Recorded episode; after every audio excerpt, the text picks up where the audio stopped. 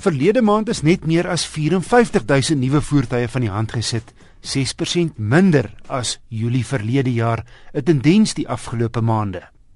Toyota was die markleier, gevolg deur Volkswagen, Ford, die Hyundai Kia groep, General Motors en Nissan. Die Toyota Hilux het teruggekry na die eerste posisie met net meer as 3500 eenhede. Die Volkswagen Polo Vivo was tweede by die Ford Ranger in die derde plek. Ek ontvang elke maand die volledige verkoopelys van Naamsa wat ek reeds aan 'n hele klomp luisteraars stuur. Indien jy dit ook wil ontvang, e-pos net vir my, dan sit ek jou op die lys.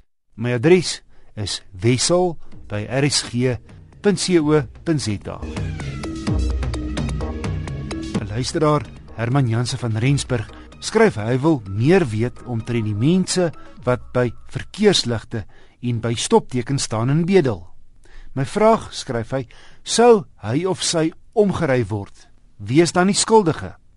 Ek het gaan raad vra by 'n ou bekende op RSG, Ignas Kleinsmid van van Velden Duffy Prokureurs op Rustenburg. Dink Herman verwoord duisende Suid-Afrikaners se uh, frustrasie met voetgangers en veral dan die smouse en die bedelaars by elke stopstraat op elke hoek.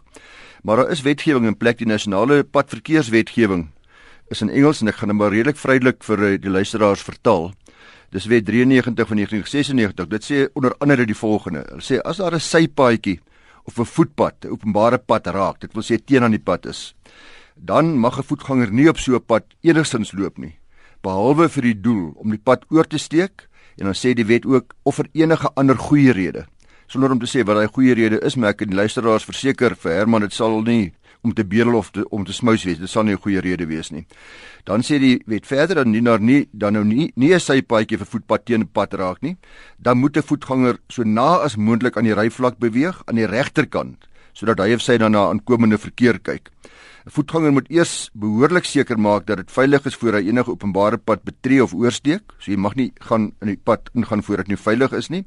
En dan die twee belangrike klousules dink ek is dat 'n voetganger wat die pad oorsteek sal nie ronddwaal die die weet sê linger ek dink mense kan maar sê vertoef of rondvoeter of daar rond staan nie op openbare pad nie en sal die pad vinnig en effektief moet oorsteek geen voetganger sal op enige wyse optree wat 'n gevaar vir hom of haarself of enige ander verkeer veroorsaak of daarstel nie dis dis baie duidelik Herman dat daar uh, geen voetganger op so 'n pad mag wees op enige openbare pad mag wees anders as om daai pad oor te steek nie Anders is hy mag nie daar wees as 'n oortreding en is 'n strafbare oortreding.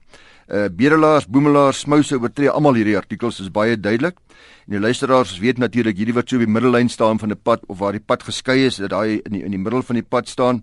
Daar's geen twyfel dat dit gevaarlik is nie. Ek sien lees daar ook as daar nou 'n transaksie opduik dan hardloop hulle sommer oor die pad, jy weet, voor die ander verkeer in, baie baie gevaarlik. Dit is interessant as mens kyk na Johannesburg se bywette. Ek het nou want alle munisipaliteite en metro's het maar bywette wat ook hierdie ding aanraak. Hulle lees as volg hierdie bywet van Johannesburg.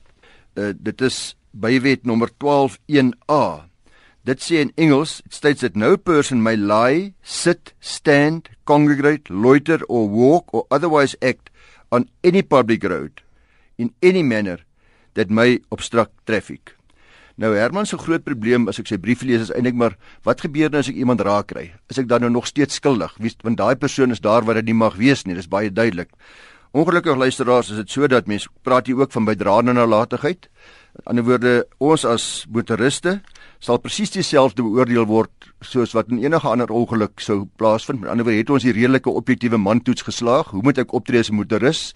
Ek moet natuurlik uiters waaksaam wees as ek 'n voetganger voor in die pad sien staan ongelukkig wat vir my verwag word as ek daardie voetganger minag of dalk met hom in 'n ongeluk betrokke is, sal daar gekyk word wie was nalatig. Mens sal nou waarskynlik kan ook dan argumenteer dat my nalatigheid is dalk 50% en syne is 50% of 70-30 afhangende van die omstandighede.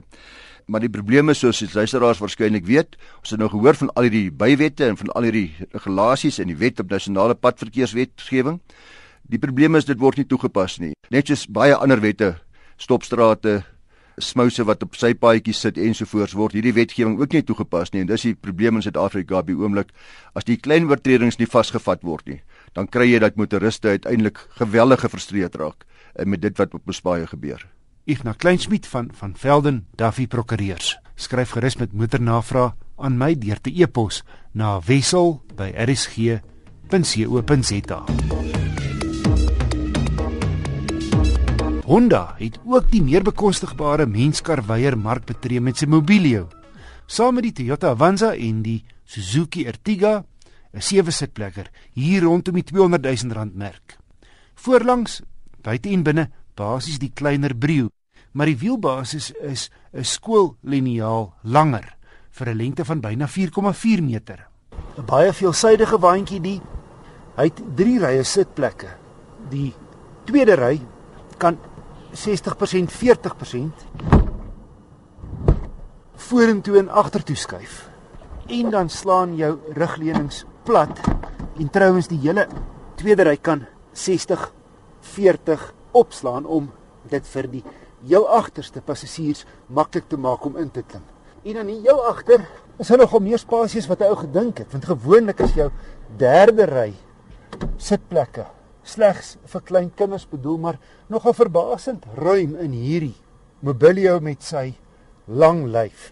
Hy's wel relatief nou in verhouding tot sy lengte wat beteken dat hierdie eintlik 'n 6 en 'n half sitplekker is. Met ander woorde jou tweede ry sitplekke se middelste sitplek is maar 'n 'n nou enetjie. Die hawe soldaat kry ook net 'n skootbelt en nie 'n volledige veiligheidsgordel nie. Die spaarwiel sit heel onder buite. Harde plastiek word gebruik. Onthou hierdie is 'n voertuig wat gemik is op opkomende markte. So hier gaan dit om 'n goeie prys en veelsidigheid eerder as 'n luukse kar met sagte panele.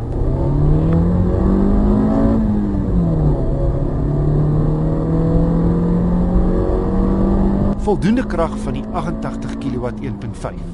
Op een of twee plekke was die afwerking van die Indies vervaardigde Honda egter nie heeltemal op die vervaardiger se hoë standaard nie. En die Mobilio is nie heeltemal so afgerond soos die Ertiga wat ek vroeër getoets het nie. En teen byna 208 000 rand is die comfort model 'n goeie 11500 duurder as die Ertiga 1.4 topmodel. Wat wel in die Honda se gunstel is meer krag en 'n swart binneruim terwyl die Ertiga se hele kajuit 'n ligte roomkleur is wat net te maklik vuil smeer. Hier is my wenk van die week. Die son eerder as gereelde gebruik verweer jou reënveers se rubber. Vervang vroegtydig wanneer die skoonmaak nie meer na wense is nie.